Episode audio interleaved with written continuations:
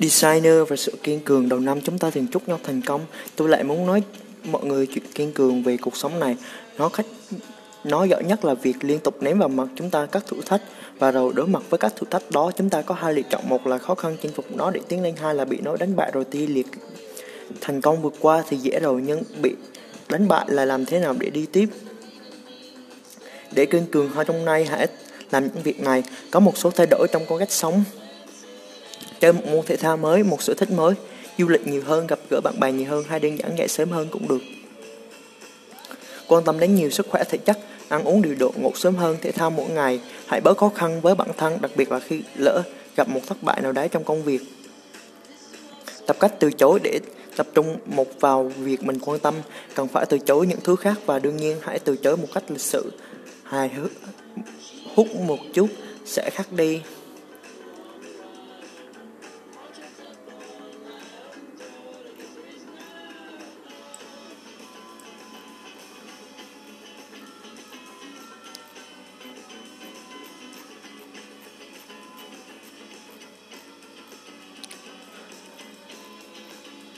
20 nguyên tắc trong thiết kế đồ họa cơ bản. Có hai cách để được kinh nghiệm làm việc gì đó làm thật nhiều quen tay thành kinh nghiệm học kiến thức áp dụng thành kinh nghiệm. 20 nguyên tắc bao gồm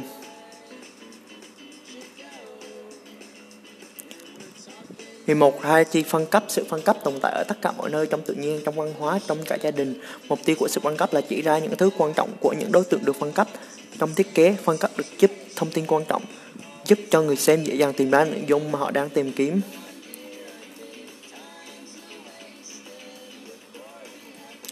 Framing đóng khung là một kỹ thuật thuộc về giác bằng cách trình bày các yếu tố hình ảnh trong một khung hình. Khung hình này có thể là một khung hình vật lý như khung gỗ, cũng như bức ảnh nghệ thuật có thể là khung hình khối.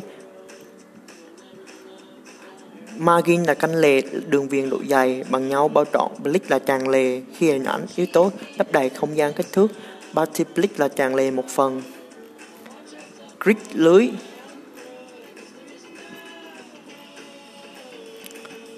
Đây là một trong những nguyên tắc tốt quan trọng trong mọi thiết kế. Lưới tuy vô hình với người xem nhưng lại là hữu hình với các nhà thiết kế. Nó giúp việc cân nhắc, xếp đặt các yếu tố đồ họa dễ dàng hơn, ngăn nắp, có ý đồ hơn. Có lẽ 20 nguyên tắc dưới là nguyên tắc được ra đời sớm nhất khi có trước 100 baseline grid là dưới đường cơ sở là dạng lưới những đường ngang cách đều nhau được xác định vị trí của văn bản. Column grid là dưới cột. Modular grid là lưới module. Pixel grid là lưới pixel. Randomness là sự ngẫu nhiên, không phải cứ gọn gàng trật tự. Trong khuôn khổ thì sẽ gọi là xem là có thiết kế. Nhưng nhiều lần mình đã nói thiết kế là việc làm có chủ đích, bao gồm cả việc tạo ra các yếu tố hình ảnh trong có vẻ ngẫu nhiên.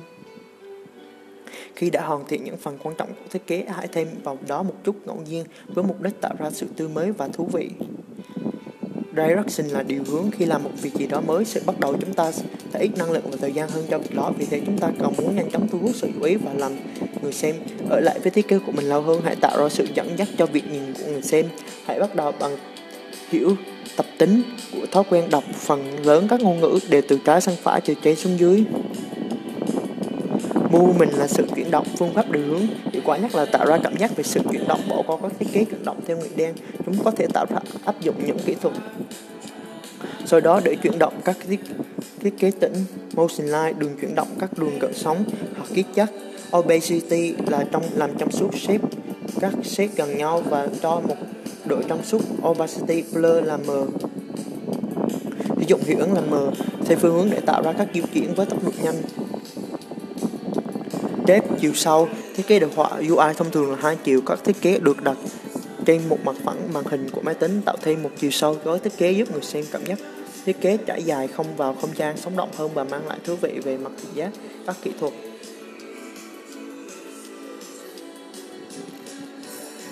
Typography, chữ, tuy não bộ xử lý những hình ảnh nhanh hơn chữ, nhưng chữ lại có tính dễ hiểu và trực quan, rõ ràng hơn rất nhiều. Composition là bố cục. Hãy xem đây là nguyên tắc tổng hợp sử dụng 18 nguyên tắc trước để sắp xếp nội dung thiết kế. Hãy ghi nhớ mục đích của thiết kế là áp dụng các nguyên tắc thiết, cách hợp hợp khác với nhau. Miễn là các bố cục vẫn đảm bảo được mục đích ban đầu của thiết kế. Richter rule là phá luật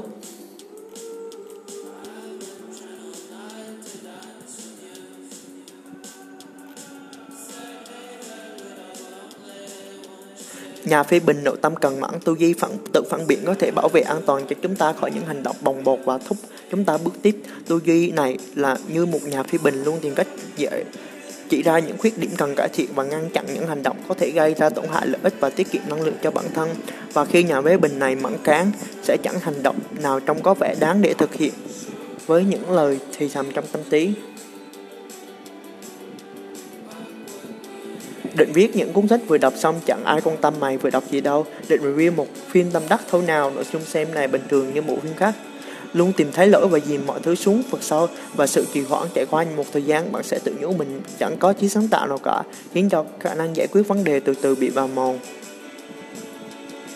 Để giết chế nhà phê bình này, trước tiên bạn cần phân biệt giữa critical thinking và overthinking, sau đó làm mới sự suy nghĩ bằng cách bằng những cách